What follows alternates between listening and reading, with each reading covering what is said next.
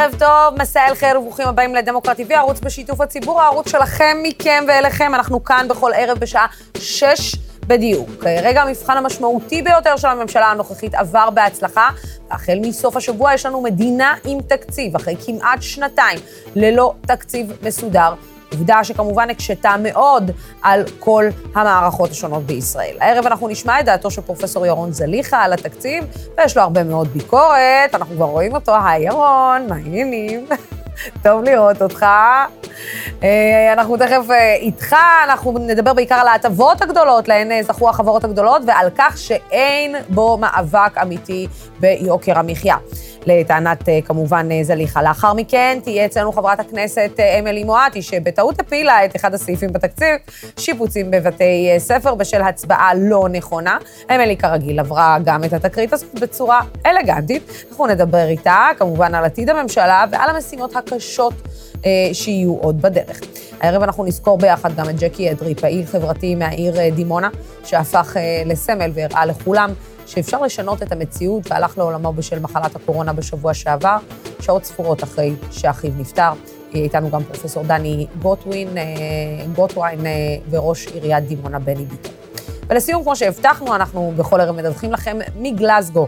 הפעם יהיה איתנו ניב מאירסון ממגמה אה, ירוקה, ואיתו תהיה גם טל שניידר. אבל אה, איך אפשר שלא להתחיל אה, עם תקציב המדינה? פרופסור ירון זליכה כבר כתב בעמוד הטוויטר שלו את הציוץ הבא. לכל מי שקרא לנו להתאחד והאמין שממשלת השינוי תוריד את נטל המס על הציבור הרחב ועל העסקים הקטנים, תעצור את יוקר המחיה ותרסן את מחירי הדיור, אז הצחקתם אותי עם המדיניות הכלכלית הזו. אני לא הייתי חי בשלום. פרופסור זליכה, ערב טוב. אז מה, באמת ציפית באמת ליותר מהממשלה הזו? מכיוון שהיו לי ספקות גדולים, סירבתי להתאחד עם החברות של הממשלה הנוכחית, כמו שאת בוודאי זוכרת, והתעקשתי לשמור על עצמאות גם אם המחיר יהיה להפסיד בבחירות. מכיוון שלא לא הניחה את דעתי המחויבות של הממשלה, אה, חברי הממשלה, לשנות שינוי אמיתי של המצב הכלכלי שלנו, לעצור את מחירי הדיור, לעצור את ההשתוללות של יוקר המחיה, לבצע רפורמה אמיתית במערכת המס שמפסיקה להטיל את רוב יהבה על המעמד הביניים ועל השכבות החלשות ועל העסקים הקטנים ומפסיקה את המבול הזה של המתנות לחברות הגדולות ולטייקונים. מכיוון שהטלתי ספק באמינות שלהם בעניין הזה, סירבתי להתאחד איתם. והנה הפלא ופלא, מה יצא לאחר הבחירות? הם מגישים תקציב שהוא הון שלטון במלוא, במלוא ביטויו. מצד אחד, שורה ארוכה של מיסים על הציבורים הכי חלשים במדינה, ובמוקדם מס האינפלציה ששוחק לנו את השכר, שוחק לנו את קרנות הפנסיה, הם המיסים שלהם גם מתדלקים עוד יותר את האינפלציה ואת עליית המחירים, ומהצד השני עוד הטבות לחברות הגדולות ועוד הטבות למשקיעים בהייטק. איזה יופי. ומי שחשב שלפיד ובנט או סער התנערו מכל עשרות הטייקונים שליוו אותם ותרמו להם בבחירות, אז כנראה שיתבדה. אה, את אמרת לפיד ובנט וסער, אבל אני רוצה רגע שנייה להזכיר לך אה, דברים שאתה אמרת בריאיון כאן בחודש יוני האחרון, קצת לפני שחזרתי אה, לשידור, ממש על, על מינויו של ליברמן לשר האוצר. בוא תיזכר מה אמרת, ואחר כך אנחנו נמשיך לדבר.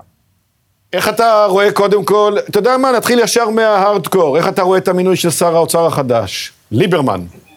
אני מברך על המינוי הזה, אני חושב שהוא האדם המתאים ביותר בגוש השינוי להתמנות לתפקיד שר האוצר, וזאת מכיוון שראשית, הוא לא גדל במיליה של בעלי המונופולים והטבות המס המקומיות. אותם טייקונים שבמהלך קמפיין הבחירות יצאתי נגדם, כלומר, אנשים שהם בעלים של מונופולים או בנקים, או בעלים של, או זוכים להטבות מס מפליגות, או לכל מיני עיוותים כאלה ואחרים במשק המדינה, הוא לא גדל בקרבם, לא הקירובים האלה והפישמנים והדנקנרים, כל הקבוצה הזאת, הוא לא גדל בקרבם, זה לא המיליה שלו, הוא לא מחובר אליהם, למיטב הבנתי וידיעתי הוא גם לא מת עליהם. אז מה, מה רגע, אתה עדיין באותה דעה שליברמן עוד יפתיע, או שליברמן נאלץ להוריד את הראש בפני הטייקונים, ואיך נגיד, לא הולך לבצע שינויים מאוד גדולים בעניין הזה? ראשית, אני עומד מאחורי הדברים, כי זה תיאור מדויק של אה, מר ליברמן, ואני מכיר את מר ליברמן כבר הרבה מאוד, השר ליברמן, כבר הרבה מאוד שנים. הוא באמת לא גדל עם הטייקונים, והוא באמת גם לא מת עליהם. אבל אני חושב שהוא שגה שגיאה גסה, בכך שהוא שמע יותר מדי לפקידי אגף התקציבים שהציעו לו להקצין עוד יותר את המדיניות הקפיטליסטית שלהם, במקום לרסן אותה, ולרסן אותם. ובמקום להקשיב להם, מוטב היה שעומד בהבטחות הבחירות שהוא ובנט נתנו. אני נתתי אמון ביכולות שלו ובנחישות שלו, בינתיים האמון הזה לא מצדיק את עצמו, ואני חושב שיש לו את הפוטנציאל לתקן את עצמו, ויפה שעה אחת קודם. איך, איך, איך, ברגל שמאל, איך בפוטנציאל, רגע. כן, אני, אני, זה, אבל רק תגיד לי, מה זאת אומרת פוטנציאל לתקן את עצמו? זאת אומרת, להחליף את פקידי האוצר? זאת אומרת, לבוא ולהגיד להם, זה הגבול, אני עכשיו מביא אנשים שיעשו סדר בעניינים?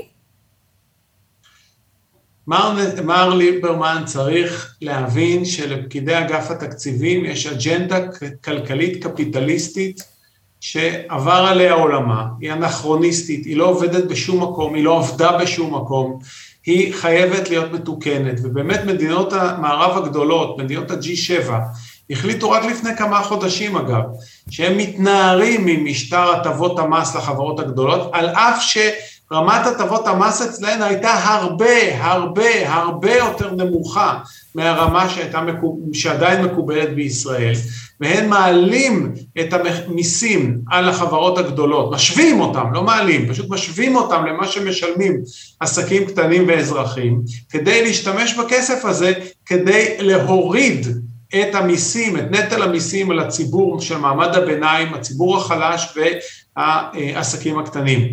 ואני קיוויתי ועדיין מקווה שמר ליברמן יתעשת. הכיוון שהוא נקט הוא בדיוק הכיוון ההפוך. הדבר השני, אם הוא לא שם לב, יש התפרצות אינפלציונית. ומה הרעיון? להטיל עוד שורה ארוכה של מיסים שמתדלקים עוד יותר את ההתפרצות האינפלציונית. הרעיון היחיד הוא שהאינפלציה טובה לממשלה. הכנסות הממשלה ממיסים עולות עם האינפלציה, בעוד שהוצאותיה לא עולות. לעומת זאת, ההתחייבויות של, של הממשלה לקרנות הפנסיה שלנו נשחקות ככל שעולה האינפלציה. וזה בדיוק התרגילים שאגף תקציבים נוהג לעשות לשרי האוצר שלא מבינים את החומר.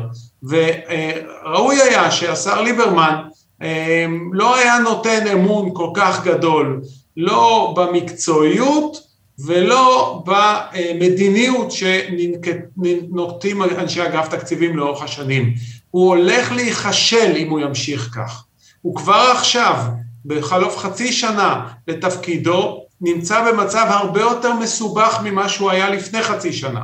האינפלציה הרימה ראש, מחירי הדיור כבר בלמעלה מתשעה אחוזים, בקצב עלייה של למעלה מתשעה אחוזים, והתקציב הראשון שלו תקציב שגוי, תקציב שגוי. אם הוא לא יתעורר, ו... שוב אני אומר, יפה שעה אחת קודם, אנחנו נמצא את עצמנו כולנו בעוד שנתיים שלוש, כאשר מחירי הדיור הם עוד 20 אחוזים, כאשר השכר הריאלי שלנו נשחק, קרנות הפנסיה שלנו נשחקות, והצמיחה הולכת ונחלשת בשעה שבעולם משתררת, הולכת ונרקמת סערה בשוקי ההון, שהולכים ומתנפחים בבועה שאין כדוגמתה, ובועות בסוף מתפוצצות. וכשהן תתפוצצנה, המשק הישראלי ימצא את עצמו כאשר המדיניות הכלכלית שגויה, כאשר הרכוש הפנסיוני שלנו נשחק, כאשר השכר שלנו נשחק, כשיש עיוותים גדולים במיסוי, וכאשר יש התפרצות אינפלציונית. כל הסימני האזהרה האלה הולכים ומחריפים. השאלה היא, פרופסור זליכה, תקציב... אם הייתה אפשרות לבנות תקציב אחר. זאת אומרת, האם... במצב שבו הקואליציה נמצאת כרגע, בכל אחד שאתה יודע, מושך לכיוון שלו, שכספים קואליציוניים, שחייב לזה, שחייב להוא, שצריך, אה, אתה יודע, לעגל פינה פה, לעגל פינה שם. האם היה אפשר בכלל להעביר תקציב אחר לשנתיים הקרובות? שתי נקודות. ראשית, לקואליציה אין שום קשר להטבות המס המפליגות שהוא נתן לחברות הגדולות, נוסף על ההטבות שגם ככה היו להן. מה הקשר?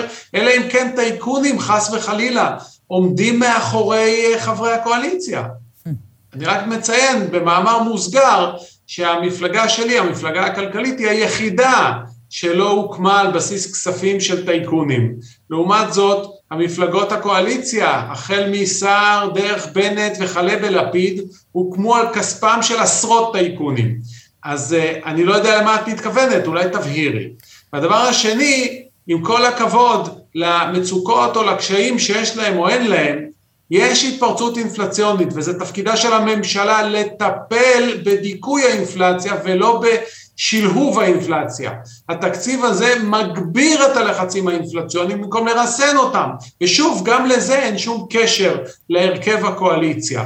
הדבר היחיד שיש לו קשר הוא שזה האצה של המדיניות הקפיטליסטית הקיצונית של אנשי אגף תקציבים, שהיא לא עובדת. לא עובדת. גם ככה אנחנו המדינה עם שיעורי העוני הכי גבוהים במערב, אנחנו גם ככה מדינה שעסק קטן בה זה, לנהל עסק קטן בה זה אולי הסיוט הכי גדול שיש. אין, אין מדינה שלנהל עסק קטן הופך להיות יותר קשה מלנהל עסק קטן בישראל.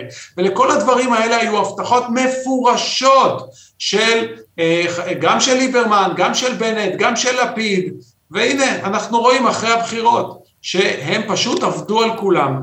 אבל אני חייב לומר לך שעם צניעות או בלי צניעות, עליי הם לא עבדו. וזו בדיוק הסיבה שאני סירבתי לחבור אליהם. לא נתתי אמון בהתחייבויות שלהם, שלא היו מאחוריהם כלום. פיהם וליבם לא היה שווה. אתה יודע, אני, אני מנסה להבין, אה, אני מניחה שכולם הציעו לך להיות uh, שר האוצר, אבל אני גם מניחה שגם הייתה להם רתיעה מלהיות שר האוצר, להזכיר לך מה עשית בסיבוב הקודם אה, כשהיית, אה, אתה יודע, במשרד האוצר, אני לא צריכה להגיד לך איזה כאב ראש עשית לאנשים מסוימים, במיוחד אה, לכל אותם טייקונים. ולוסי, את מכירה אותי מספיק טוב לדעת שאצלי פי וליבי שווים. אני גם הייתי מיישם את מה שאני מבטיח. אולי מזה הם חששו. אתה יודע, אני, אה, אה, אני, אני לא מפסיקה לראות אה, מצייצים שזה התקציב הכי חברתי שהיה למדינת ישראל, ושבעצם הייתה העלאה במשרד הרווחה ובמשרד החינוך, ובעוד לכסף לנכים, ובעצם במשרד התחבורה שהולך להרוויח מהסיפור הזה, מוביליות חברתית. אתה יודע, זה, זה נשמע על פניו.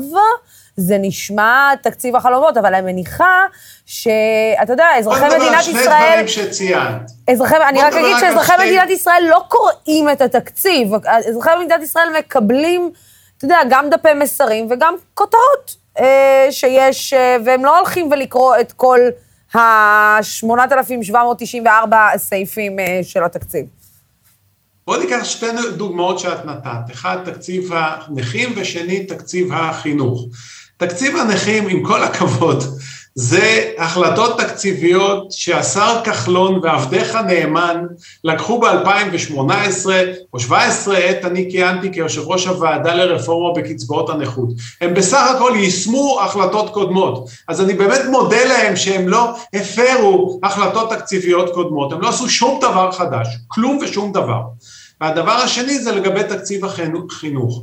לשפוך עוד כסף על חינוך עם 40 ילד בכיתה לא יקדם אותנו לשום דבר, לשום מקום. אנחנו הכפלנו את תקציב החינוך בעשר השנים האחרונות, הכפלנו את התקציב, ומה יצא?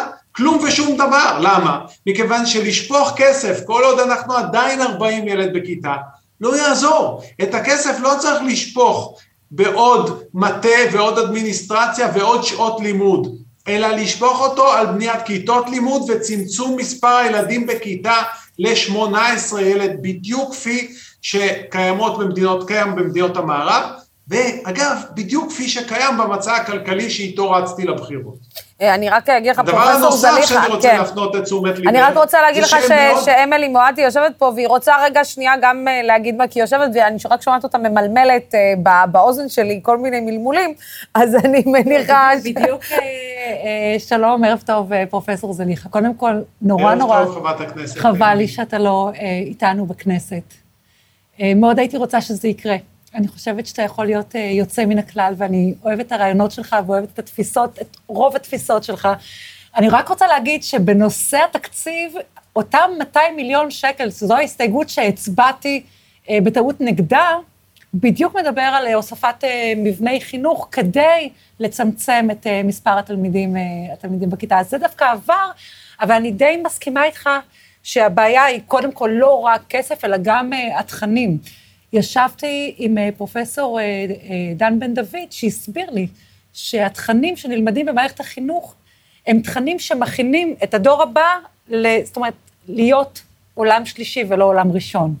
שזה הרבה יותר, הרבה יותר מתסכל, כי בעצם מבחינת, ה, גם מבחינת המוביליות חברתית יש בעיה, אבל גם מבחינת איכות אה, החינוך. אנחנו לומדים הרבה שעות, אבל התכנים אה, מאוד ירודים ביחס לעולם. אני בהחלט מסכים איתך, חברת הכנסת מואטי. אה, התכנים, לא רק שהם מנותקים, הם גם מנותקים משוק העבודה. חד משמעית. היום במוסדות אקדמיים, למשל במוסד אקדמי שאני משמש נשיא שלו, אנחנו מדי שנה יושבים עם נציגי התעשיות השונות, כמובן כל תואר עם התעשייה הרלוונטית לו, ומתעדכנים בכלים שנדרשים בתעשייה כדי שהבוגרים והמוסמכים שלנו יצאו מותאמים לשוק העבודה. והדבר הזה לא נעשה במערכת החינוך מא' עד י"ב בכלל. ורק דוגמה אחת קטנה, כמעט ואין חינוך פיננסי, למשל, שזה נכון. צו השעה במדינה שבה איפה שאתה לא זז, יש בה, קם איזה גזלן לשים לך ביס וללכת. אז באחת הפגישות זה... שלי, בדיוק בנושא רגע, הזה, רגע, עוד משפט אחד, מישהו ברשותך. דיבר בשבחך והזכיר את זה שאתם דואגים גם לייצר את, ה, את המפגשים האלה עם החיים האמיתיים. תודה רבה, אבל עוד נקודה אחת, ה-200 מיליון שקלים הם כמובן תוספת חשובה ובמצוקות התקציביות אני לא חלילה מזלזל בהם, אבל אנחנו זקוקים לכמעט הכפלה של מספר הכיתות, או לפחות 50-60 אחוזים, והדבר הזה לא יכול לבוא להתממן, אלא אם כן אנחנו נשנה את התמהיל של התקציב. זאת אומרת, נפחית את מספר שעות הלימוד. היום לומדים בבית ספר מא' עד י"ב כמעט אלפיים שעות יותר מתלמיד באירופה. אבל התוצאות כלום ושום דבר, כן, כן. מכיוון שהאלפיים שעות האלה מושקעים ב-40 ילד בכיתה.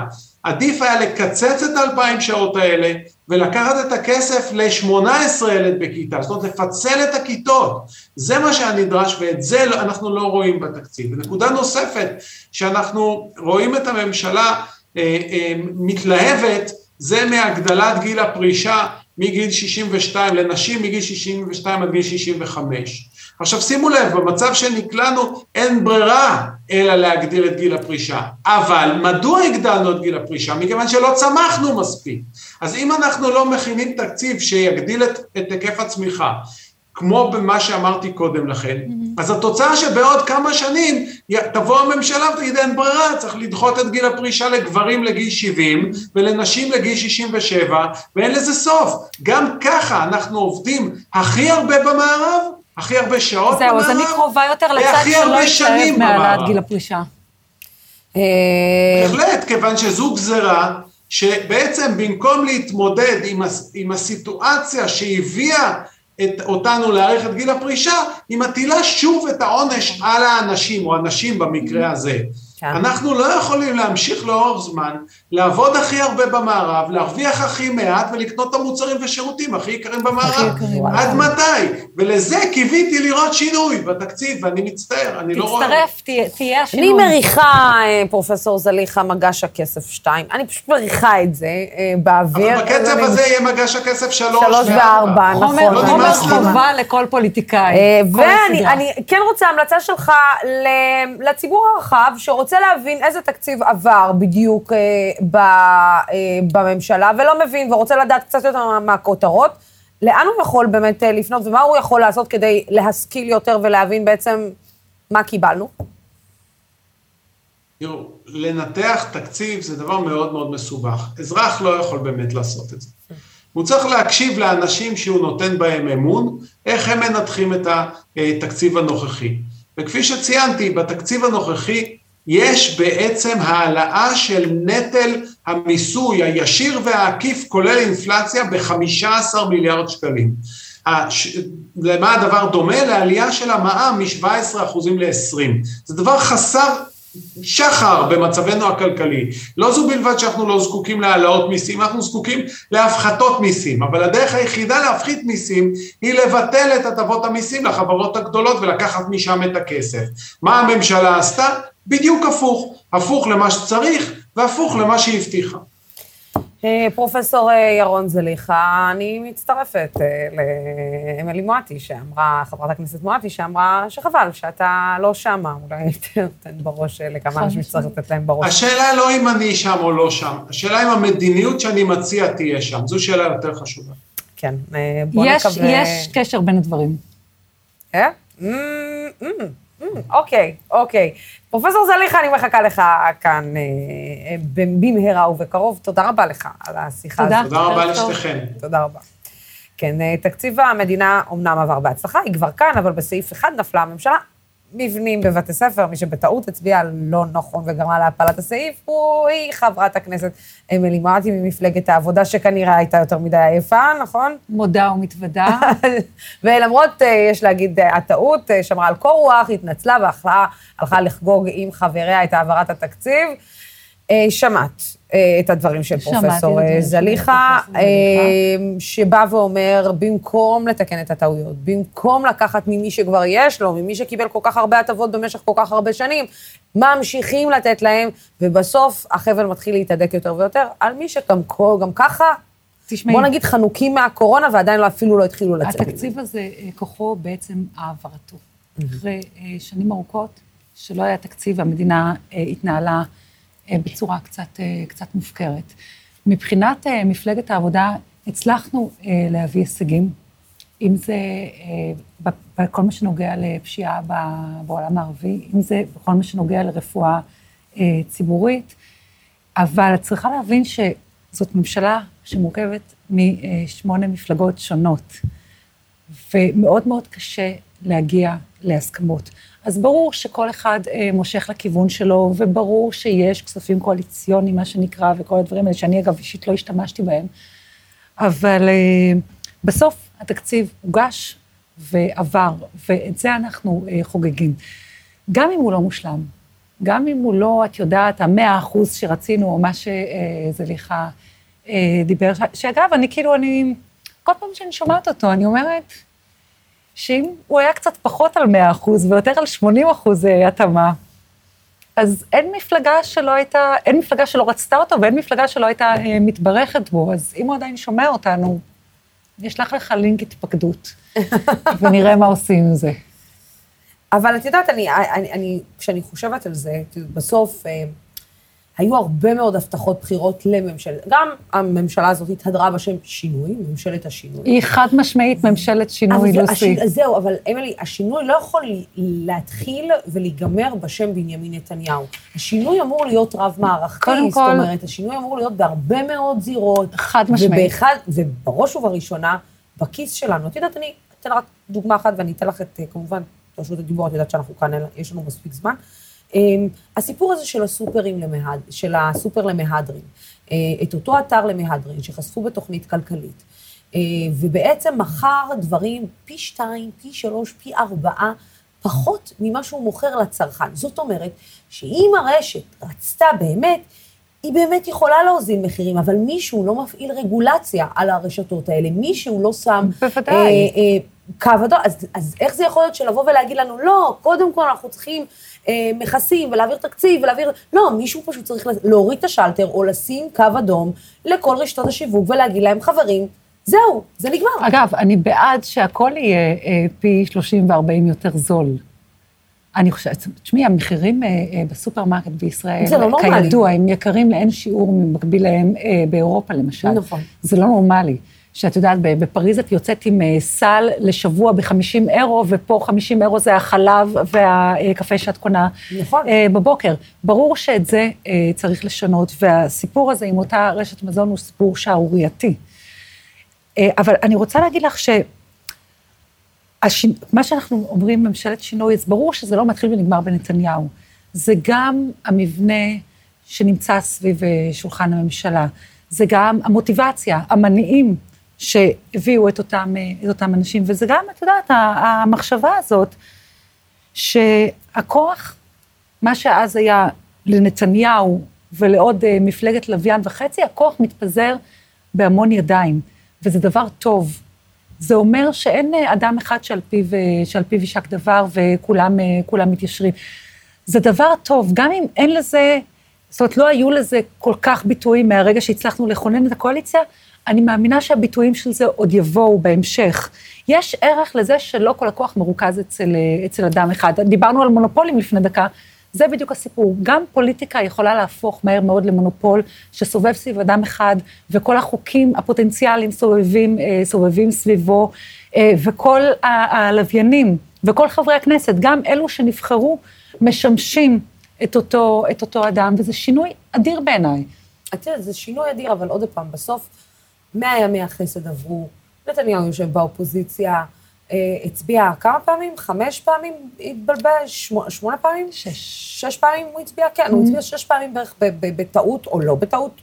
אף אחד לא יכול להיכנס לנבחי מוחו של, של תשמעי, נתניהו. תשמעי, הוא לא איש צעיר, הוא לא איש צעיר. הבן אדם, כאילו, אם אני, זאת אומרת, אם אנשים בגילי נרדמו וזה, מה, אני, אני באמת, עכשיו ברצינות, כולי אמפתיה לנתניהו, שאדם שעבר את גיל 70 יושב שלושה ימים רצוף במליאה ומצביע. אז, אז את יודעת, אז אני אומרת, אוקיי, אז את יודעת, אנחנו מסתכלים על הדבר הזה, ואנחנו, בסוף, הרי יושב ראש ממשלה, אה, אני אנקוט בטרמינולוגיה הזאת, יושב ראש ממשלה עם שישה מנדטים, שהוא לא פחות, אה, שהוא לא יותר מנדטים מכם. שהוא לא יותר מנדטים מליברמן, אולי במנדט אחד או שניים, שהוא לא יותר מנדטים ממרץ, במנדט אחד או שניים. אה, אבל בסוף יושב שם בן אדם שאיכשהו נראה שכל אותן מפלגות מרכז-שמאל, איך נגיד, מתעקמות לכיוון הזה. מתעכבות לכיוון של איילת שקד, של הדרישות של, אה, של נפתלי בנט, שאולי הדרישות של ימינה, של מה שקורה שם. וזה נראה שאת יודעת... אמ, רחוק, רחוק מזה. אני, אישית, אני לא מרגישה שאני נאלצת להתיישר לימין אה, בשום צורה. אני רק רוצה לגבי ראש ממשלה עם, אה, עם שישה מנדטים. בשיטה הפרלמנטרית אה, בישראל, העם בוחר את חברי הכנסת, וחברי הכנסת בוחרים, בוחרים אה, ראש ממשלה. ממשלה. כך שברגע שיש לך יותר מ-61 חברי כנסת שמעוניינים בתפקודך כראש ממשלה, את הופכת להיות ראש ממשלה. כן. אה, אז מבחינה הזאת אין כל כך הבדל בין אה, בנימין נתניהו לבין אה, נפתלי בנט. לגבי ימין ושמאל, תשמעי, זאת לא ממשלת החלומות שלי. אני מניחה שזה גם לא ממשלת החלומות של מתן כהנא, נגיד. אנחנו בכלל לא דמיינו שנחלוק את אותה קואליציה, ברצינות עכשיו. אני לא רואה שמתן מתיישר לשמאל, ואני לא רואה את עצמי מתיישרת לימין. אנחנו שנינו נשארנו במקום שנשארנו, אנחנו משתדלים לא להכניס אחת לשנייה אצבע בעין. אנחנו משתדלים, האמת שזה לא קשה, לחבב אלה את אלה, ו- ולייצר איזושהי אה, שותפות שהיא ממש נדרשת. אני יודעת שזה עשוי להישמע כמו קלישאה. מה זה קלישאה? את יודעת, את יודעת מה, כאילו, מה נאמר עליכם? אבל זה לא, את יודעת... אנשים עם שלט נצנצים כזאת, שהכל לא, מהמם, הכל מדהים, הכל זה, אנחנו, הנה אנחנו אוכלים סוכריות, הנה אנחנו טוב לנו, הנה מהמם, אני רוצה להגיד אני רוצה להגיד שעל הסוכריות אחראי אה, דוד ביטן. דוד ביטן. שלמרבה לא, הצער, למרבה הצער הוא לא חלק מהקואליציה. אבל את יודעת, מי שמסתכל על זה מהצד, אומר, אוקיי, בואו, חברים, יש חושבת, פה, המדינה... אני חושבת שלדברים האלה יש ערך, של מי מנהל את המדינה.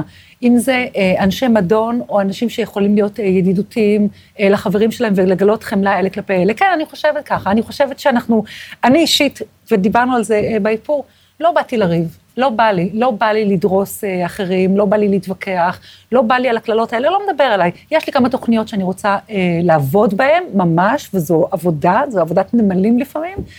וזה חשוב לי, וזה מה שאני רוצה אה, להעביר, וזה החזון, וזה מה שאני רוצה אה, להשאיר אחריי. אין לי יד על הלב, יש דברים שקורים כרגע. כשאני אומרת להשאיר אחריי, אני מקווה שזה מאוד הרבה, אה, כן, כן, טוב. אה, אבל את יודעת, אני, אומרת, אה, עם כל הכבוד, את יודעת, אני מסתכלת, יש דברים שקרו, מינויים על אף שזה בהתנדבות, וההוא שעובד וקרוב משפחה, אבל הוא קרוב משפחה שני וההוא לא... הרי אנחנו יודעים שלצורך העניין, אם זה היה קורה מהמחנה השני, עם יד על הלב, אף אחד לא היה שותק. זאת אומרת, זה לא היה עובר חלק. ואכן- זה לא היה כאילו... ואכן הכל לא- בסדר. ואכן, הכספים אה, הקואליציוניים, אם הם היו מחולקים, או אה, מתחלקים איך שהם... קמפיין שלם עשה ואכ- יאיר אה, ואכ- לפיד על הדבר הזה. ואכן לא שותקים. תראי, ראית מישהו שותק? אני רואה שהחברים שלי בקואליציה מותקפים כל היום על הסיפורים האלה. ועדיין, אני, מה- מהמקום שלי, יכולה להגיד לך שנגיד... זה שהם מותקפים על הסיפורים האלה, כן, אבל זה שכאילו גם אנשים שיושבים בקואליציה אומרים, רגע, חבר'ה, זה לא בסדר, כי אם היינו יושבים בחוץ אני- עכשיו באופוזיציה, היינו תוקפים את זה. אני אגיד לך, בואי ניקח אישות כמו, אה, ב, לא, לא בנט, יאיר לפיד נגיד, כן. אוקיי? נגיד מרב מיכאלי, אני מסכימה איתה על הכל, אני שמה אותה בצד. יאיר לפיד, אני מסכימה איתו על 80 אחוז מהדברים, גם מבחינה אישית. אידיאולוגית ושיטה. האם על ה-20 אחוז אני אתקוף אותו וזה? לא, אני צריכה לנהל את זה. אז, אז גם אם יש דברים שאני לא מסכימה איתם במאה אחוז, ואני שותה כוס מים ומקווה לטוב, היית ברצינות. שותה כוס מים בתקופה של נתניהו? לא. לא, אין שום סיבה שאני אשתה כוס יין שראש ממשלה עם שלושה כתבי אישום ממשיך לכהן, מפלג אה, בין האנשים, גורם לאנשים לשנוא אלה את אלה, אין שום סיבה שאני אשתוק על זה. אבל את מבינה למה בעצם אנשי המחנה השני, או אלו שבחרו בנתניהו, בחרו בליכוד, או בחרו ב- ב- באלטרנטיבה השנייה, מרגישים שיש כאן סוג של צביעות? מה הצביעות? מה הצביעות? אני לא, אני לא מצליחה להבין את זה. כשהם הגנו על, הגנו על נתניהו, אני לא, לא מצליחה להבין את זה. ההתנגדות שלי לנתניהו היא לא רק בגלל אה, כתבי האישום, והיא לא רק בגלל אה, אידיאולוגיה, היא בעיקר בגלל השסע אה, שהוא יצר בהמון אינטליגנציה והמון כסף בעם. עכשיו, תצרפי את כל הדברים האלה, ברור שאני אתקומם. מה הסיכוי שבאמת הממשלה הזאת, יודעת, שמענו את אה, איילת שקד אומרת, אה, לא בטוח שיאיר לפיד אה, יקבל את ראשות הממשלה. מה הסיכוי שהדבר הזה באמת קורה, ומה הסיכוי באמת שלא מפילים את הממשלה הזאת מבפנים? אז ככה, בעזרת השם, ועד כמה שזה תלוי בי, הממשלה הזאת אה, תישאר במשך אה, קדנציה, כלומר ארבע שנים. יאיר לפיד ייכנס בעזרת השם למשרד ראש הממשלה והוא יעשה עבודה מצוינת, ואנחנו, מפלגת העבודה, נעבוד מאוד קשה על לחזור להיות אה, מפלגת שלטון, ועל זה שיום אחד, אולי, אני מקווה, מרב מיכאלי תהיה מועמדת רלוונטית לראשות הממשלה. אה, אז אני רוצה להשמיע לך אה, דברים שנאמרו במסיבת העיתונאים המשולשת, שמאוד קשה לראות ששלושה גברים שם עומדים בפריים הזה, היה לא פשוט. למרות שהממשלה הזאת, יש להגיד שהקואליציה הזאת מורכבת מהרבה יותר כן, אה, כן, כן. ממה שבדרך כלל אנחנו רואים, אבל המסיבת עיתונאים המשולשת שנערכה במוצאי שבת, ראש הממשלה, ראש הממשלה החליפי ושר האוצר. בוא נראה. העברנו את התקציב שמבטיח יציבות כלכלית ופוליטית. בשקט, בעקביות, בעבודה משותפת, הבאנו את הספינה לחוף מבטחים. אני רוצה להודות פה לכל השותפים, ליאיר, שותף וחבר, ולשר האוצר ליברמן, שעשה עבודה מעולה. הממשלה יציבה, היא תמלא את ימיה. עברתי הרבה ממשלות, אני לא זוכר ממשלה עם רמת שיתוף פעולה בין השרים כמו בממשלה הזאת. נכון, מדי פעם יש חיכוכים ועימותים, ואחד אומר והשני עונה, או שנייה עונה, אבל זה לא משנה. בגדול, וראיתי את זה בתקציב, הייתה רמת שיתוף פעולה וערבות הדדית בין השרים, בין ראשי מפלגות, כפי שלא ראיתי אף פעם. בקואליציה המורכבת ביותר בתולדות ישראל שמנו את האגו בצד כדי לבנות את המכונה שמובילה את המדינה. אנחנו אנשים אחראים, אין לנו זמן לירידות בטוויטר, יש לנו מדינה לנהל. התחייבנו שנחזיר את השפיות, התחייבנו שנקים ממשלה, התחייבנו שנעביר תקציב, אנחנו עומדים בהתחייבות. עומדים בהתחייבות. אה, הם יעמדו בהתחייבות, היה קשה, אבל הערבות ההדדית, מדברים הרבה על הערבות ההדדית. אה, את יודעת, אה, כשאת רואה את התמונה הזאת, את יודעת מה הולך מאחורי הקלעים?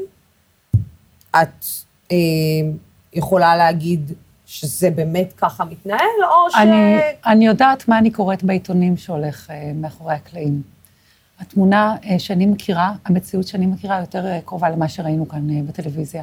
גם מבחינת בנט, גם מבחינת ליברמן וגם מבחינת לפיד. ואגב, אני רוצה להגיד לך, ראינו הרי את הכנסת מעבירה תקציבים כבר, וזה לא פעם ראשונה, גם אם אנחנו מרגישים כזו שמחה וזה, זה כבר קרה, יש, נכון, יש תקציב. נכון. אבל אני לא זוכרת שראיתי את ראש הממשלה מסתובב בין הח"כים, שואל אותם מה שלומם, מעודד אותם, אומר להם שהם עושים היסטוריה. זה היה באמת מקסים.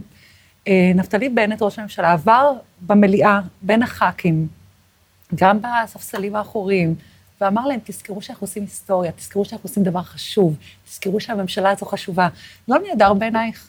עכשיו, זה לא ש- הצגה, לא, זה לא הצגה, אין מצלמות, אין כן, דאווין. את- את יכולה אבל להבין למה אנחנו ציניים? כן. את יכולה להבין למה אנחנו כן, כאילו, כן. כאילו על סף ה... זה לא אמין, במיוחד יכולה. לאור הדברים, לאור אני ההדלפות יכולה. של ההקלטות, לאור הדברים אני שאנחנו יכולה שומעים, להבין, אני לאור ה- יכולה להבין, אני יכולה להבין את הציניות. לאור, את אני יודעת, יכולה- בני גנץ שיושב תראי, ולא נעים לו באמת- ולא טוב לו. זה באמת ו- נורא מוזר, שאנשים שבסך הכל לא היה ביניהם קשר אישי אמיץ לפני כן, נעשו אה, כל כך קרובים וכל כך ערבים אלה לאלה, אז את זה אני מבינה. ואני מבינה שיש גורמים בקואליציה שעדיין רוצים לשמור את ה base שלהם, שמתקשים להאמין שהם יוכלו אה, לשנות את התפיסה של ה base כלפי הממשלה הזאת. אני אגב, כאילו, את יודעת, אני מסתובבת לי ברחוב, אלה שמזהים אותי, כן? השלושה אנשים. את חושבת אותם- ש... כן, בטח, שלושה אותם אנשים, אמילי, בטח. אלה שמזהים אותי, אומרים לנו, כל הכבוד, איזה יופי שאתן שם, הצלתם אותנו, זה נפלא בעיניי. ואני חושבת גם שאותם גורמים שדיברנו עליהם, הם יכולים לפנות לבייס ולשכנע אותם שזו הדרך, מאשר להתנער מאיתנו, או להדליף כל מיני שטויות, או לבשל כל מיני אה, קלטות. אז אה, אני מאמינה בדרך הזאת, אני מאמינה שכאילו אין, אין אדם שאי אפשר לדבר איתו ולנסות אה, לקרב אותו, כולל אגב בימין. גם בימין אני מדברת, כל פעם ששואלים אותי, למה את עולה לתחנות הרדיו החרדיות? א', אני מרגישה בבית, ב', מספיק שמאזינה אחת תקשיב, תקשיב לרדיו ותגיד, וואלה, יש משהו בדברים שהאמילי הזאת אומרת. בוא נחפש, נראה מה עוד הם עושים. הרווחתי, עוד מצביעה. אמילי מואטי, אה, איזה כיף. לוסי אה, אריש. אה, אני, את יודעת, יש לי... אני, כאילו, אני יודעת שאת שונאת שאני אומרת לך את זה. אני אוהבת אותך מאוד. אני גם אוהבת אותך, לא, אבל לא את זה את שונאת, לא? אני אני אוהבת יודעת אותך. מה את הולכת אבל אני להגיד. ממש מחכה לך שם.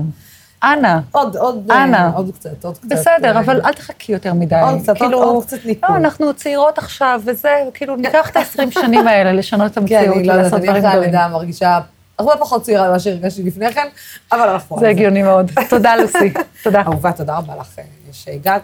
לפני הכל את אה, חברה לפני שאת חברת כנסת, אבל חברת הכנסת... ומשקיעה. בערוץ. ומשקיעה בערוץ, אבל חברת הכנסת מואטי, תודה רבה. תודה רבה, ערב טוב. בעוד רגע יהיה אה, באולפן פרופסור דני גוטווין, אה, גוטווין עם אה, ראש עיריית דימונה בני ביטון, אבל עוד לפני כן, הערב בפותחים את הפה, דוקטור משה דרור יוצא לבדוק את נושא שיתוף הציבור בעיריות השונות ברחבי הארץ. בוא נראה. שלום, כאן משה דרור ואני מבקש לחלוק איתכם אידיאל אישי בנוגע לשדרוג המתבקש לדמוקרטיה השברירית שלנו. מדובר בהליכים לשיתוף הציבור בקבלת החלטות שלטוניות. הליכים לשיתוף הציבור, ככל שהם מתבצעים כהליכים מהותיים ונכונים, מביאים לשולחנם של נבחרי הציבור את קולו של הרוב הדומם באוכלוסייה. כך, לקראת קבלת החלטות שיש בהם כדי להשפיע על איכות חיי התושבים. לכן, הם חשובים ביותר גם בפוליטיקה העכשווית. הליכים אלה, הנפוצים מאוד כבר בעולם המודרני, צצים להם בממסד הישראלי יותר ויותר, בעיקר בשלטון המקומי. אלא שלא תמיד הם נעשים כהלכה, ולעיתים קרובות הם לא יותר מעלה תאנה להצדקה של מהלכים שלא תואמים את האינטרס הכלל ציבורי. על מנת לקיים הליכים שכאלה, באיכות נאותה, לא מספיק רצונם הטוב של מקבלי ההחלטות. הגיעה השעה שהם יבוצעו גם מתוך דרישתם של תושבים. גופים ממסדיים מתחילים להבין את העניין, אך הציבור עוד לא הפנים את זכותו להליך הדמוקרטי. הליך שיש בו כדי לקבל החלטות טובות יותר, מקובלות יותר ונכונות יותר, הן לצד המשתף והן לצד המשתתף. אני שותף של ערוץ דמוקרט TV, ויחד החלטנו להרים את דגל שיתוף הציבור בישראל, באמצעות הסברה ממוקדת בקרב הציבור הרחב. זאת במטרה להשפיע באמצעותה גם על מקבלי ההחלטות. אנו נפעל באופן רציף ומתמשך להסביר את קרונות ההליכים האלה על היתרונות וגם על האתגרים שבהם. בנוסף, אנו בערוץ נלמד הליכים שהתקיימו ביישובים שונים בארץ ונצביע על איכות הביצוע שלהם. לא נוותר על הזכות הדמוקרטית להשמיע את קולנו במהלכים ממסדיים שיש בהם כדי להשפיע על איכות החיים שלנו. מוזמנים לעקוב אחר השידורים.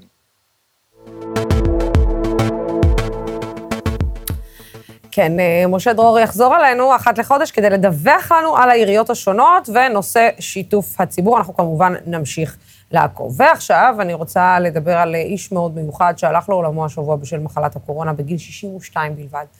אה, ג'קי אדרי מדימונה היה אחד הפעילים החברתיים החשובים שידע ישראל. הוא הוכיח אה, בפועלו שכל אחד יכול לקחת חלק פעיל ולשנות את המציאות. אדרי התפרסם בעיקר במאבק שלו על תנאי העבודה של עובדי הקבלן. אני רוצה להראות לכם אה, קטע מתוך תוכנית עובדה, ששודרה לפני כמעט 20 שנים עם ג'קי באותו. ישנו פחד תהומי אצל עובדי הקבלן, כי במשך שנים כשאתה עובד קבלן, נוטעים בך את התחושה שאתה כלום, שאתה ריק, אתה לא נספר, אתה לא קיים. אז מה את מצפה מעובד קבלן, שפתאום הוא יקבל חוט שדרה כזה חזק ויעמוד מול כל העולם ויגיד, עשו לי, אמרו לי, פגעו בי? ברגע שלבן אדם אין קרקע מתחת לרגליים, הוא מבוהל, הוא מפוחד, הוא לא ידבר איתך. הוא יגיד לך בחדרי מדרגות חשוכים, כן, אני פוחד, מאיימים עליי, אני אפסיד את מקור הפרנסה, ואם אני אפסיד את מקור הפרנסה, אין לי מקום חלופי. אנחנו יכולים להשוות את דימונה היום לעיירת קורא פחם באירלנד. את כל התככים, את כל העבודה הקשה, את כל הפחדים מהבוס הגדול שבדרך כלל היה יושב מעל ה... המכרה ועיניו בהכל. כן, וכדי לדבר על ג'קי אדרי הזמנו לכאן שני אנשים שהכירו אותו ואת פועלו, אני רוצה להגיד ערב טוב לפרופסור דני גודווין אה, מאוניברסיטת אה, חיפה, שיושב כאן אה, לצידי. אתה כמובן, אני רק אגיד לצופים שלנו שהוא אכן יושב לצידי, רק הוא מסתכל על המצלמה, ואני רוצה להגיד ערב טוב לראש עיריית דימונה, ראש עירייה של העיר מגוריי ועיר מגוריי של הוריי, בני ביטון, שלום, שלום גם לך. שלום, שלום וברכה, יוסי. אז uh, אני רוצה להתחיל uh, איתך, uh, בני. בוא נגיד שהעיר עברה טלטלה לא פשוטה, כששני אחים בעצם מהעיר מאבדים את חייהם, שלא לדבר על... ש... הוא גם מתמודד לראשות העיר, נכון, בני? אני לא, אני לא טועה. איש אקטיביסט, פעיל חברתי, בעצם... עבד וניסה לשנות כל דבר ודבר אה, שקשור למה, לפועלים אה, אה, בעיר ול... אתה יודע, לאנשים שאפשר לעזור להם, שנקלעו לצרה. ואז פתאום, אה, בבת אחת, אה, העיר מאבדת שני אנשים, אה, בוא נגיד עם משקל לא פשוט בעיר. כן, אני, אני חייב להגיד, אני בהגינות מכיר את ג'קי מגן חובה ביחד. עברנו ולמדנו עד כיתה י"ב, ג'קי היה באמת גם תלמיד מצטיין בבית הספר, היה לוחם אמיתי, ג'קי התגייס ל- לימ"מ, אני התגייסתי לצנחנים. אני אגיד גם את ההיסטוריה, ההורים שלנו באו מירושלים, שניהם אה, אה, באו למפעלי ים המלח ובנו את מפעלי ים המלח, אבות שלו ואבא שלי, אבא שלי הקמת מפעלי ים המלח, אבא שלו היה מנהל באשלג א', לאחר מכן הצטלבו דרכם במועצת העובדים במפעלי ים המלח, ולאחר שירותו הצבאי ג'קי חזר לדימונה כמוני, ולאחר מכן ג'קי אה, הוביל מאבקים בקנה מידה באמת באמת גדולים, המאבק הגדול כמו שהזכרת לוסי, זה המאבק נגד כימיקלים לישראל, נגד הטייקונים הגדולים, והוא לא פחד, אפילו עמד לבד באוהל, ובכל זאת אה, ללכת לצאת נגד האנשים הגדולים, לאחר מכן הוא עשה את המאבק השני הגדול, נושא התאגידים, והוא לא סיים אותו, תאגידי המים, שהוא גם, לאחר מכן הוא גם נבחר להיות חבר מועצת העיר, וג'קי בהתחלה היה בקואליציה איתי, ואחרי זה הלך לאופוזיציה. ג'קי תמיד היה אוהב להיות, ללכת נגד הזרם.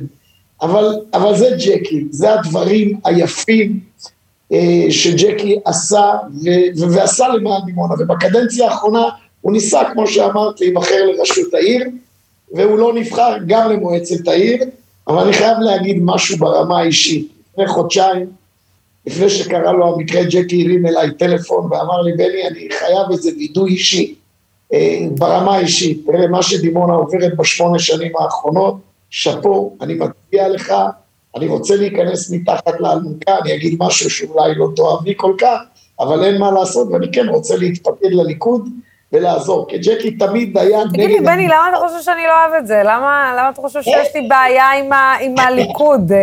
את, אתה נכנס עכשיו למקומות שאתה לא צריך להיכנס אליהם. לוסי, לוסי, שמעתי בקשב, ואני אומר להגינותך, שמעתי בקשב רב את כל ה... הייתי צריך לעלות הרבה יותר מוקדם, ושמעתי, אני מכיר אותך באמת בתור ילדה, מכיר אותך פטריוטית על דימונה, על אבא ועל אמא, וגם על העיר דימונה, אני בהגינות אומר, אני סתם אמרתי בהומור, אבל באמת איבדנו לוחם, וצריך גם להזכיר בנשימה אחת את אחיו מקסים ניסים, זיכרונו לברכה, טרגדיה אדירה, שני אחים באמת מובילים, שני אחים מובילים ש... ש...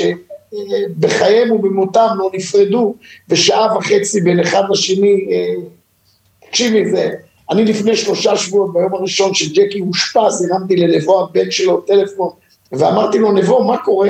הוא אומר לי, אבא מאושפז בבית החולים יחד עם מקסים, מצבם לא טוב. מה קרה? אה, נדבק מקורונה, ואז הוא סיפר לי את הסיפור שהוא לא רצה להתחסן, ומקסים פשוט לא אכל להתחסן. תראי, שניהם עברו את מחלת הסרטן בגבורה, ולא הצליחו. אז אמרתי לו, למה לא התקשרת אליי? אתה מדבר איתי. הוא אומר לי, בני, אתה מכיר את אבא. אתה יודע שאבא לא. אבל אני חייב לסיים ולהגיד בזה, אדל סיפרה את זה גם בכל אמצעי התקשורת וגם אמרה לי את זה ביום שישי. היא אמרה לי, אבא לפני שמושם והורדם, אה, אמר לה, אדל, אני מבקש, באמת, ופה אני רוצה גם להעביר מסר כפול לכולם, כראש עיר, כסבא, כאבא, לכו להתחסן. הוא אומר, אני שגיתי ואני לא יודע מה יהיה איתי, אז לפחות תעבירו את המסר שכולם ילכו להתחסן. איבדנו מנהיג באמת חברתי ברמות הגבוהות, ואני אומר לכם, לא סתם אמצעי התקשורת, באמת נתנו לו את קדמת הבמה בכל ערוצי הטלוויזיה, בכל ערוצי הרדיו, כולם דיברו על הלוחם האמיתי. אני לא חושב שעוד קיימים לוחמים אמיצים כאלה למען החברה. אתה יודע מה מצער אותי? שהוא התמודד, אה, גם הוא ניסה את מזלו בכנסת אה, בסיבוב אה, האחרון, ומה שמצער אותי, אתה יודע, זה יפה שערוצי הטלוויזיה נותנים את קדמת הבמה כשבן אדם נפטר, ואז נזכרים איזה פועל היה לו, ומה הוא עשה. ולא נתנו לו את אולי את הבמה שהוא היה צריך לקבל אותה במערכת הבחירות האחרונה, במקום לתת אותה, למשל, לאיתמר בן גביר, סתם דוגמה. אה, ולא לתת אותה לבן אדם כמו ג'קי, אה, אה, ש, שאני חושבת שהיה צריך לקבל בימת כבוד, אבל זה אנחנו, זה אנחנו בתקשורת, זה, זה עלינו, החרפה הזאת. אבל בני ביטון, תודה רבה לך על השיחה הזאת. כמובן תמסור את תנחומיי למשפחה. אדל הייתה, למדנו ביחד בבית הספר עד שאדל עברה לבויאר באיזשהו שלב. אבל תמסור לה את תנחומיי ותמסור את תנחומיי למשפחה, וכמובן לעיר האהובה שלנו. באמת איבדנו אה, מנהיג חברתי גדול, וחבל שהוא הלך בטרם עת. אה, בני ביטון, תודה רבה לך על השיחה הזאת.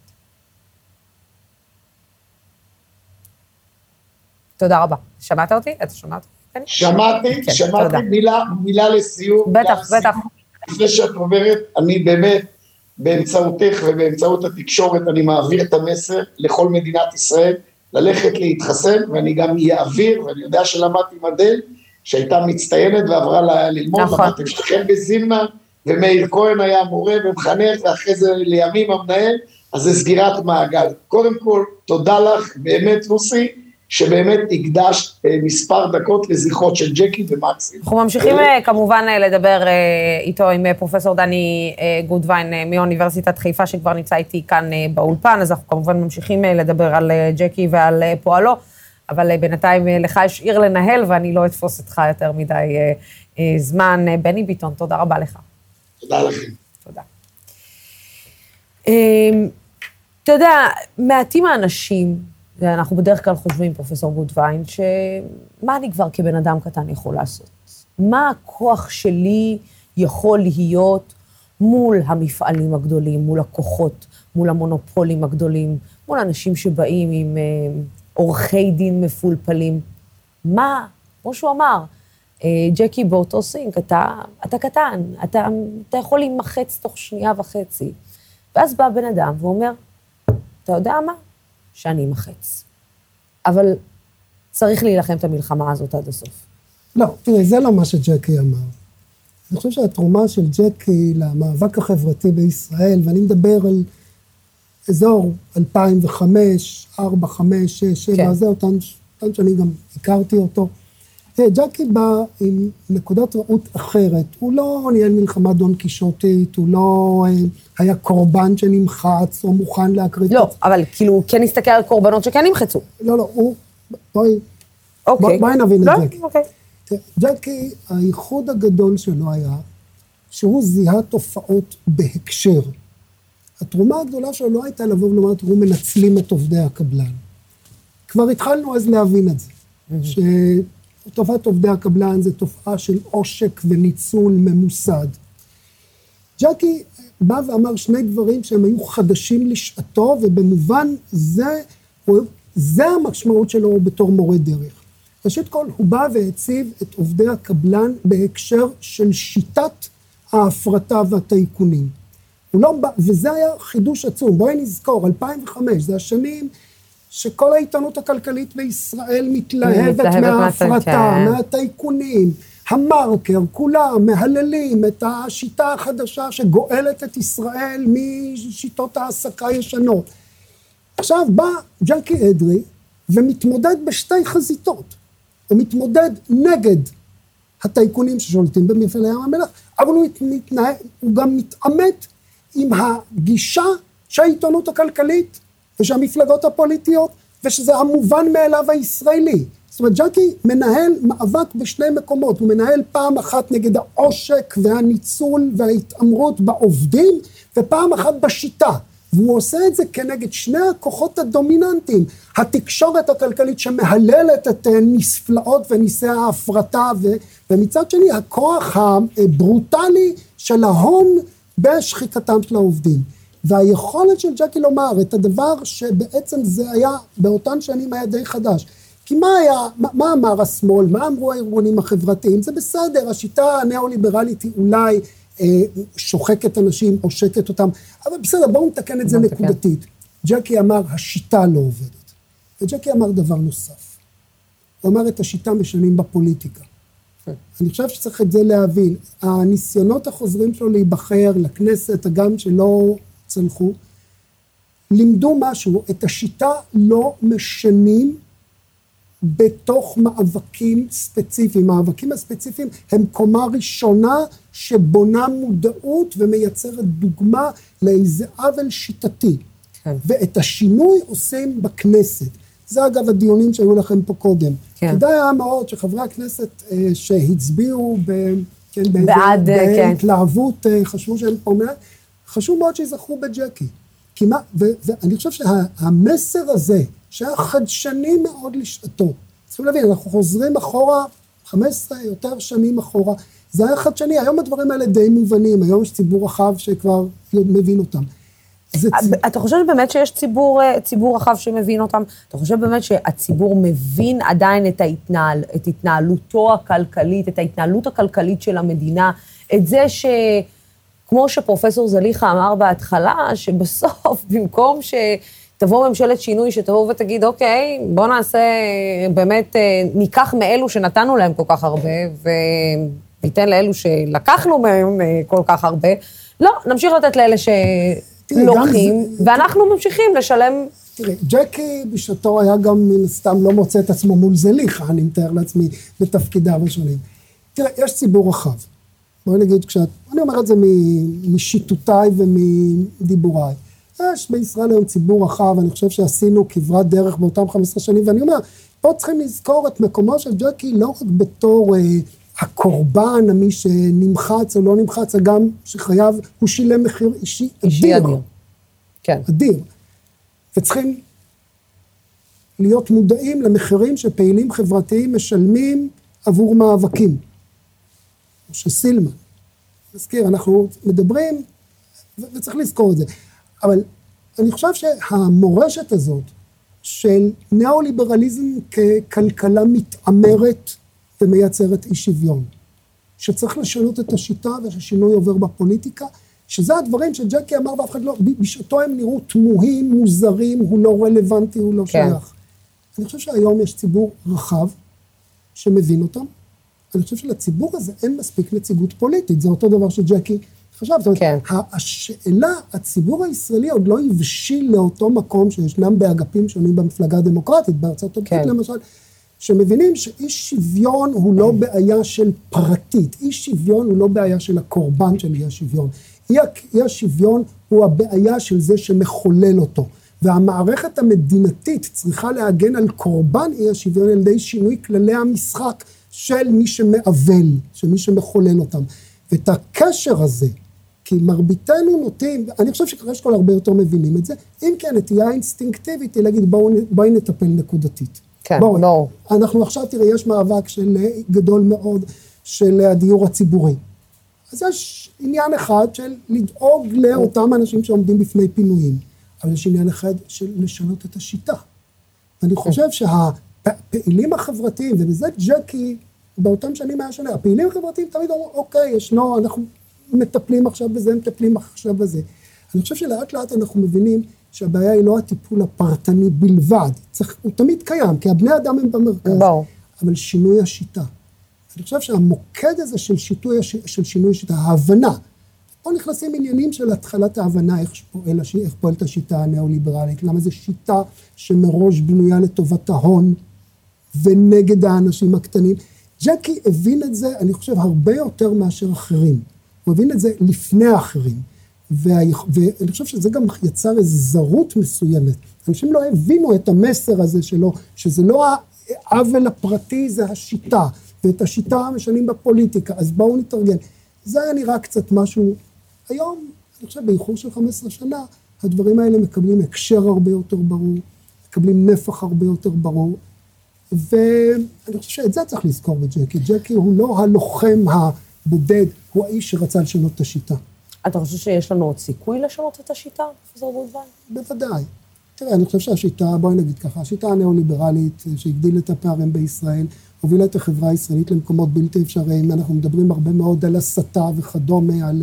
צריך להבין, הסתה פוליטית היא פונקציה של אי שוויון. בחברות שבהן יש שוויון כלכלי גדול יותר, רמת ההסתה נמוכה יותר, כי לבני אדם יש פחות להילחם. בישראל מסיתים כדי להשיג הישגים חומריים. אנשים מסיתים נגד קבוצות אחרות, כי הם חושבים שבשיטה הזו הם יקבלו נתח גדול יותר בחל, במעט שהמדינה מוכנה לחלק. לכן הקשר בין הסתה פוליטית לאי שוויון מוכח. ולכן אני חושב שאת זה, זאת אומרת, מי שרוצה את החברה הזאת לשחרר מרוחות הרפאים שאוחזות בגרונה וגוררות אותה אל המדרון, חייב לנהל את הקרב במקום שלכולם יהיה טוב יותר. עכשיו צריך להבין, הכלכלה מסוגלת לתת את זה, אין לה מגבלות. זה אולי הדבר שאנחנו לאט לאט מתחילים להבין בעקבות הקורונה. אנחנו, הכלכלה, המגבלות שלה הן מעטות מאוד.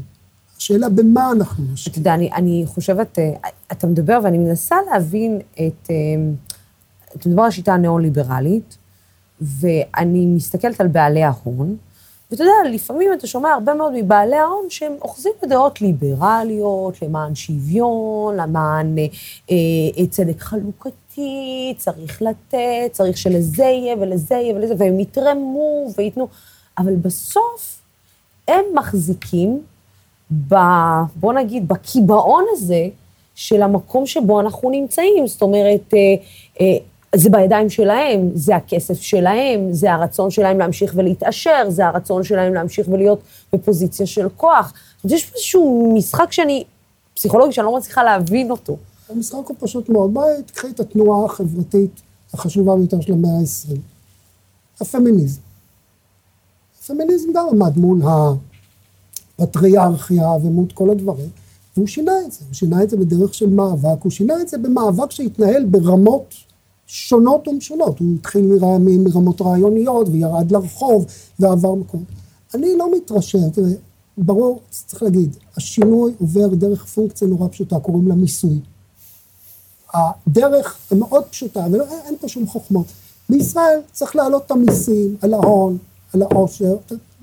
ישראל אפילו לא טורחת, אנחנו עד כדי כך, אנחנו אפילו לא טורחים לדעת. למה? מה- למה? אני אגיד לך למה. הסיבה היא כמובן להון יש את הכוחות שלו, ויש את העיתונות שלו שנופפה בכל העניינים האלה. ברור. נכון. העניין הוא גם במערכת הפוליטית הישראלית. אני חושב שאנחנו זקוקים לפוליטיקה שהיא פוליטיקה הרבה יותר סוציאליסטית. אני חושב שבישראל יש איזה רעיון שנרתע. המושג שכולל, שמניח, שוויון בחלוקה, דרך מערכות של מיסוי, דרך הענקת חינוך הוגן לילדים ממשפחות אה, כן, אה, חלשות. אה, כל הדברים האלה הם דברים שקל מאוד לעשות אותם. הבעיה היא שבישראל, בסך הכל יש, איפה את רוצה לדעת איפה האנומליה? האנומליה הישראלית שהשמאל הישראלי מתבסס על המעמדות המבוססים.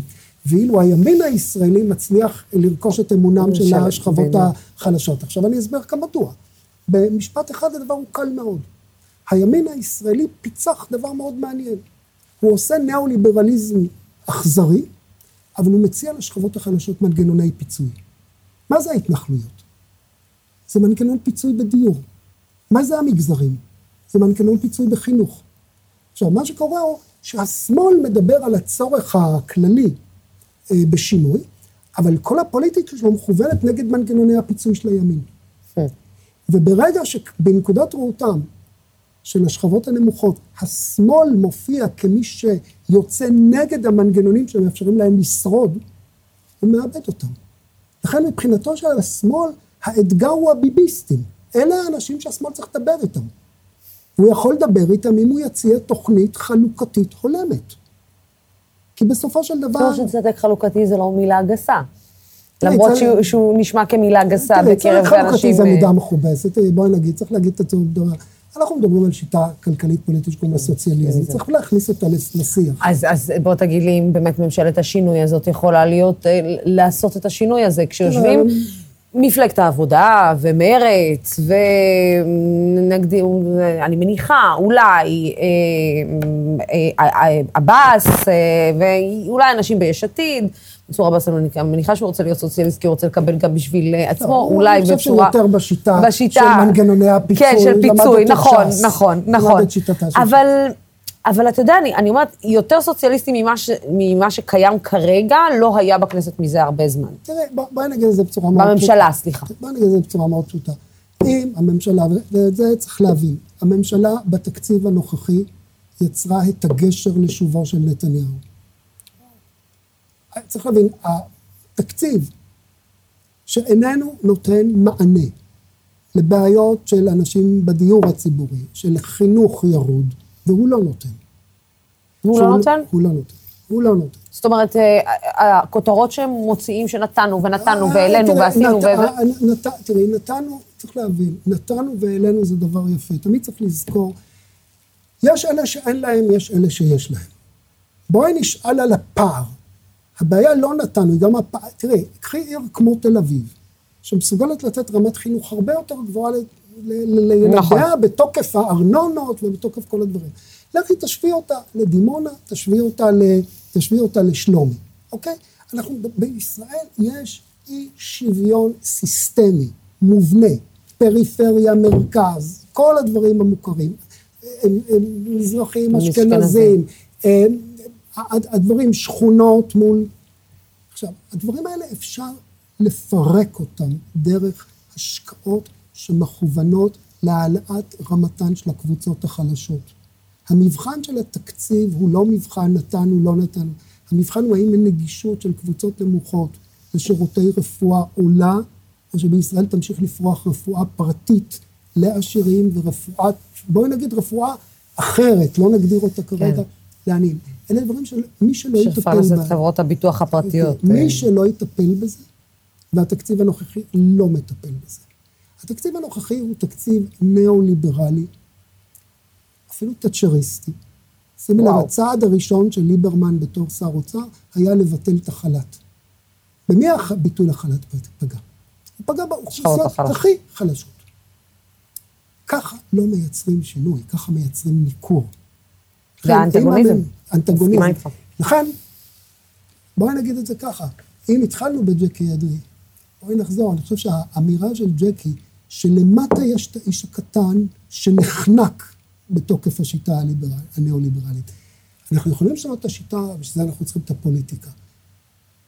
נדמה לי שמפלגות השמאל, אני הצבעתי עבודה, כן? אה, לא, שיהיה ברור. אה, אבל זה לא קשור ל... אה, לא, לא, אני אומר את זה בתור נכון. מי ש... כן, לא, לא... כן. אני אומר, צריך להבין, אני אומר את זה בתור שהצביע להם.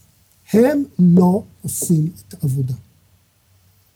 והעבודה שהם כן עושים, זה מגש הכסף שעליו יחזור נתניהו או ממשיכיו לשלטון. אני יותר מזה לא יכולה להוסיף. אה, פרופסור גוטווין, אה, תודה רבה לך על השיחה המאוד מעוררת מחשבה הזאת. אני מקווה שהצופים שלנו יושבים ומקשיבים טוב טוב למה שנאמר כאן. תודה רבה לך. תודה. אה, כמדי ערב, במהלך אה, ועידת האקלים, האקלים בגלסגו, אנחנו מדברים עם ישראלים שנמצאים שם, ועכשיו אני רוצה להגיד ערב טוב לניב מאירסון ממגמה ירוקה שנמצא בגלסגו, שלום, שלום, ואיתו טל שניידר שחזרה בסוף השבוע מהוועידה. שלום, שלום גם לך. אה, טל, תכף. אני, את יודעת מה, אני אתחיל איתך, כי אני כן רוצה סיכום של מה שאת, הראש ממשלה של מה שהתקיים שם, חוץ מההתנהלות הלא נכונה ולא טובה של כל אולי האירוע ו- ודברים ופאקים, נגיד, הפקתיים שהיו שם, האם בכלל האירוע הזה היה עם משמעות, או שאיזה יופי, כולנו באנו, לחצנו ידיים, ברור, נתנו הצהרות, איזה יופי, וחזרנו למדינות שלנו עם הבעיה של הקורונה, שכרגע מטרידה את אה, כל העולם באימא שלו בערך. נכון, האופציה השנייה יותר רלוונטית, אה, הקורונה הטרידה שם את כולם והם רצו לחזור כי היה בלגן ולא הכי נעים, אבל אה, מה שקרה בוועידה הזאת, אולי בדומה לוועידת פריז, זה שהנושא עלה עוד מדרגה בסדר היום של הציבור, אה, זה מעין טרנד שלוקח הרבה מאוד זמן, עשרות שנים אפילו, אבל את, את כן רואה שבאירופה, אה, במדינות אירופה חל שינוי אפילו בהצבעה של האנשים. אצלנו בכלל אין, אין מפלגה ירוקה שמצביעים לה, אבל באירופה בהחלט יש מפלגות ירוקות שמצביעים להם, ומה שבעיקר קרה בהנהגה הנוכחית זה שהיא תפסה שכדי ליישר קו עם העולם וכדי להיות במעין אחווה, אחוות עמים, צריך לתת גם את ההצהרות הנכונות. עכשיו פוליטיקאי שנותן הצהרה לגבי שנת 2050, בסדר, מי שרוצה להאמין לו בהצלחה, יש הרבה אנשים שלא מאמינים לנפתלי בנט על הצהרה מלפני אה, חצי שנה, ברור. זה 2050, זה הצהרה שבאמת הוא לא חייב לעמוד מאחוריה, אבל כן ראינו אה, חידוד מסרים או דגשים על כל מיני דברים, את יודעת, אולי הדבר הכי קונקרטי שאני שמעתי, זה שעד 2025, שזה כן מעבר לפינה ואנחנו יכולים להרגיש את זה, כל האוטובוסים יהיו חשמליים, למשל. או הכ- כמות כסף שהולכת לזרום עכשיו למטרו כדי להפחית פה באמת את השימוש ברכבים, אשרי המאמין, אני לא... אני מהצד הסקפטי. Uh, תראו, אני רק אגיד עוד מילה אחת, אתה יודע, אני כן ניסיתי לשאול הרבה פעמים, גם את שרת האנרגיה, מדינה, uh, סליחה, את שרת הגנת הסביבה תמר זנדברג. מדינת ישראל מאוד מאוד תלויה בהסכמי הגז שהיא חתמה בשנים האחרונות, ושר האוצר שטייניץ, ראש הממשלה אה, נתניהו הקודם, ראש הממשלה לשעבר, הם היו חסידי הסכמי הגז ככוח שהוא גם כוח כלכלי וגם כוח ביטחוני. לא, הם לא- הם לא. באמת יכולים גם לבטל הסכמים שנחתמו על ידי אנשים אחרים, בואי נודה על האמת. עכשיו, לא, לא רק שהם לא יכולים לבטל את זה כרגע, גם קפריסין או יוון או איטליה, הן באמת רוצות, את יודעת, נמצא שם ראש ממשלת איטליה, שר האנרגיה של, שר הגנת הסביבה של קפריסין. הם באמת מוכנים לבוא ולעבור כרגע בתוכנית סדורה, שוב, זה לא, אי אפשר לעשות את זה בפרק זמן קצר, אבל הם מוכנים לשים עכשיו יעדים לביטול הסכמי הגז? אני לא חושבת, כי גז הוא גם פחות מזהם מפחם, אבל אנחנו עדיין רוצים להשתחרר גם מזה, אז לא יודעת להגיד לך, זה נראה עוד מאוד אה, ככה, מו- לא משהו שהציבור יכול להרגיש אותו באמת כרגע. אז אה, ניב, אה, מה אתה אומר? אתה שומע את הדברים האלה, ואיך איך אומרים אצלנו? מילים יפות יפות, אבל אין מה. ההמשך כן. יגיע. כן. אז אני רוצה לבטא את הביקורת באמת, שהיא לא תהיה ביקורת רק ממני באופן אישי או ממגמה ירוקה, אלא חלק מקואליציה של ארגונים ברמה הבינלאומית, שאנחנו נמצאים עכשיו בכנס שקוראים לו ה-People Summit. ה-People Summit זה בעצם כנס אלטרנטיבי שקורה במקביל לקופ, כלומר לכנס הרשמי של הממשלות, והוא יותר של אקטיביסטים, של ארגונים שבאים יותר בקו אה, ביקורתי כלפי מה שקורה בקופ. אה, ואני אספר, אה, אני אתן את הביקורת דרך אירוע שהייתי בו היום. זה היה אירוע שהיה הקרנה של סרט שקוראים לו The Black Black Oil, והיה שם גם מדען שקוראים לו קווין אנדרסון, שהוא ממדעני האקלים הבכירים ביותר בעולם, וגם ממי שיוצא נחרצות כנגד הקו של המדינות שהוא מאוד פשרני. ואחד הדברים המאוד מעניינים שהוא אמר שם, זה הוא דיבר על היעד הזה של נט זירו, שזה איפוס פליטות נטו. Mm-hmm. כלומר, זה לא באמת, זה מה שהכריז עליו גם בנט, זה אומר, זה לא באמת שנגיע לאפס פליטות, אלא שמסתמכים על זה שאולי בעתיד יהיה טכנולוגיה של לכידת פחמן. אה, וראו גם בסרט הזה, ראיינו אה, אנשים מהחברות נפט, וראו שהם מאמצים את זה, הם שמחים עם היעד הזה, הם מאוד רוצים אותו, וכבר אה, קווין אנדרסון אמר, אם חברות הנפט כל כך מרוצות, זה מעלה לנו איזושהי חש, חשדנות. ולמה? זה בעצם רוצים לדחות את הפתרון של הבעיה על ידי זה שהם יגידו, כן, אנחנו מפתחים כאלה טכנולוגיות. למרות שכלכלית זה לא ישים, אפילו לא לעוד עשר שנים, ואז הם יכולים להמשיך להפיק נפט וגז. וזו הביקורת שלנו על זה שגם ה-gap report, זה דוח מטעם האו"ם, הראה שהפרויקטים הפוסיליים המזהמים שמתוכננים עד 2030, הם פי שתיים או פי שלוש ממה שיאפשר לנו לעמוד ביעדים של הסכם פריז. אז בגלל זה אנחנו ביחד פועלים באמת כרשת עם פעילים מכל העולם כדי לדחוף את הממשלות, את ממשלת ישראל שהיא בכלל בצעדים הראשוניים, וגם ממשלות אחרות בעולם שהן בצעדים יותר מתקדמים, אבל עדיין לא שם. אתה יודע, אני, אני, אני מנסה להבין אם, אם, הרי זה נראה שכל אחד, סליחה, תקוע בבעיות של עצמו ובעניינים שיש לו במדינה שלו, אבל אה, זה נראה שמישהו שמספיק אולי ש... מדינה גדולה אחת, או מדינה ברת השפעה אחת, תעשה צעד מאוד מאוד משמעותי ומאוד גדול, כדי, כמו מונופול, להפיל את כל האחרים שבעצם ממשיכים לזהם, או שלוקחים חלק בזיהום, או מה שזה לא יהיה. וכרגע, זה נראה עם כל זה שיש לזה יח"צ מדהים וגדול, אה, זה נראה שזה לא ממש מעניין את מנהיגי העולם שלנו. בואו נודה על האמת. כן, אני כן חושב שיש לזה הירתמות ברמה של ארה"ב והאיחוד האירופי, אבל גם לא מספיק, וגם של הרבה מדינות כמו סין ורוסיה שהן בעיה מאוד גדולה. אה, אבל אני לא חושב שזה רק מדינה אחת. אני חושב שכל מדינה צריכה לקחת חלק בשינוי, ואם את לוקחת את כל המדינות שהן ברמת פליטות של ישראל, שזה פליטות יחסית אה, אה, נמוכות, את סוכמת אותן ביחד, זה בערך חצי מהפליטות ברמה העולמית. אז גם כל מדינה יכולה לעשות שינוי מאוד גדול. וכמו שאנחנו הובלנו ברמה של החיסונים, כן אפשר להגיד על זה שבנט דיבר בנאום של האו"ם, שאנחנו רוצים, שאנחנו נהיה מובילים עולמית וכאלה. כרגע יש מהפכת אקלים במילים, הפוליטיקאים שלנו התחילו לדבר על זה, זה צעד ראשון. עכשיו אנחנו רוצים לראות מהפכה בפועל, שזה לא, לא להפוך אותנו למעצמת גז, כמו שמנסים. ואני חושב שכן, כל, יש, יש, כן יש החלטות אמיצות שמתקבלות, זה לגמרי לא מספיק, אבל בשביל זה אנחנו כאן, כדי לדחוף יותר חזק, וזה השנים שבהם השינוי חייב לקרות, ולא תהיה ברירה. המדינות יהיו חייבות לדחוף את זה, גם ארצות הברית, גם ישראל, וכל מדינה יכולה לעשות את השינוי שלה, אה, אה, שידחוף גם מדינות אחרות, וגם להיות מודל לחיקוי. וזה מה שאנחנו רוצים לראות מישראל גם. את יודעת, אה, טל, לסיום, איך באמת מדינה או ראש מדינה מאפשר לעצמו להבטיח הבטחות לשנת 2050, כשהוא לא יודע אם הוא יסיים את הקדנציה שלו בעוד חצי שנה, או בעוד שנה וחצי. בואי, כאילו זה נראה לי קצת אפילו לא רציני.